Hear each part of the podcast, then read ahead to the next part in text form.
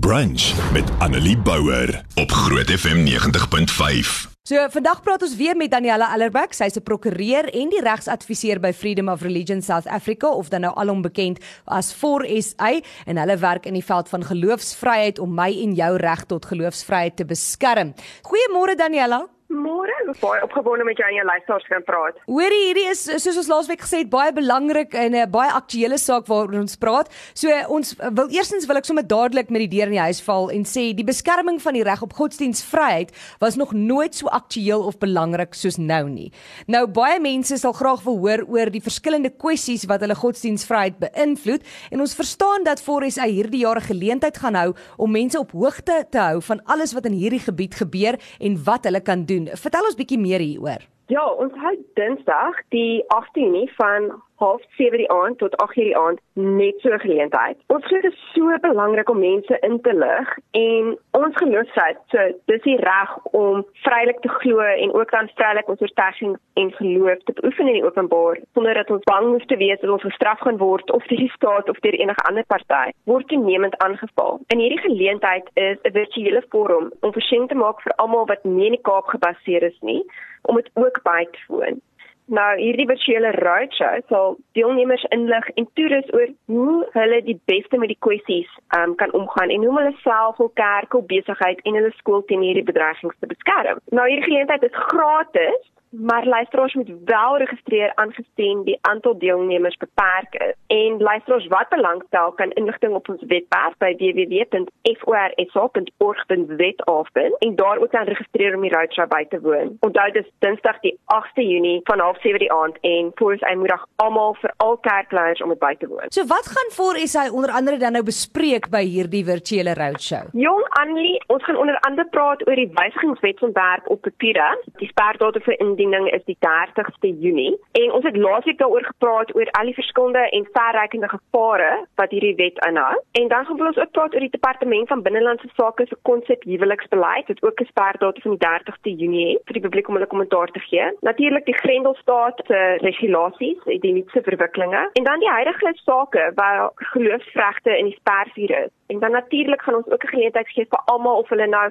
fisies die roadshow bywoon en of het, of hulle dit virtueel bywoon om vir ons vrae te vra wat ons dan kan antwoord. So laasweek het ons nou 'n bietjie gepraat oor die verandering of die wysigings op die wetsontwerp. Ons het nou nie die naam genoem nie, soos mense nou nie weet wat Pepuda is nie. Dit is waaroor ons laasweek gesels het. Is hierdie wysiging wat uh, julle aan werk nou, maar ek wil by jou hoor, vir SA beskerm nou ons reg op godsdienstvryheid voor verskillende staatsinstellings, soos onder andere die parlement. Is daar die afgelope tyd enige voorgestelde wette waarop Forres uit kommentaar gelewer het? Ja, ons het laas jaar kommentaar aan die Suid-Afrikaanse Regshervorming Kommissie op hulle besprekingsstuk oor 'n enkele huwelikswet vir die land ingestuur.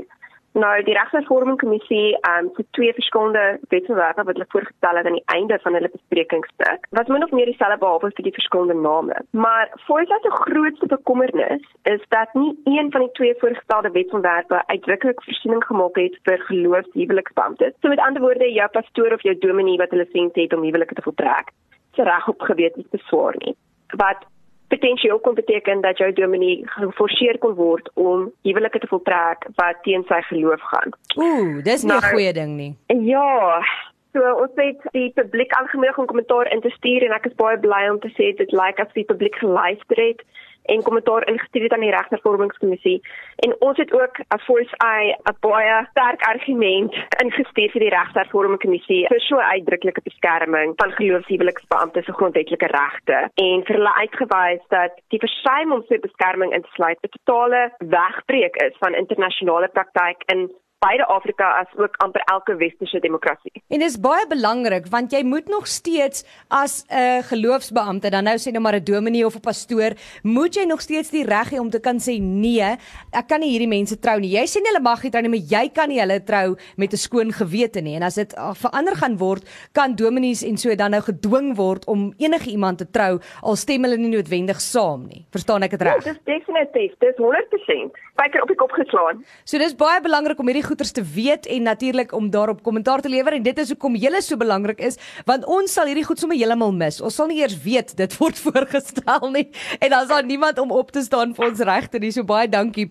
Waarheen kan luisteraars gaan om meer te, te weet te kom oor kwessies wat hulle godsdienstvryheid beïnvloed en natuurlik die werk wat vir SA doen?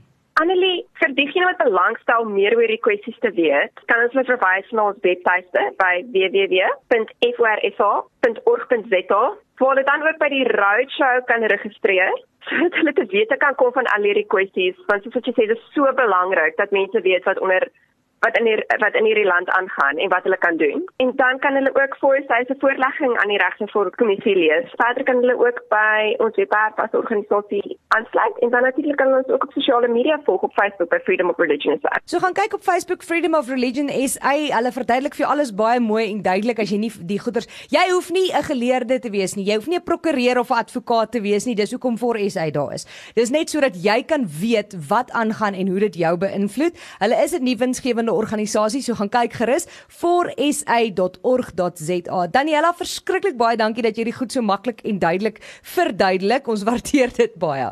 Nee, dit is absoluut 'n plesier en 'n voorreg om met jou en jou luisteraars te kan praat. Ons gaan verseker volgende week weer gesels, natuurlik elke maandag dan nou om 11:30 so ek sien uit. Annelie Bouwer, weekoggend tussen 9 en 12 op Groot FM 90.5.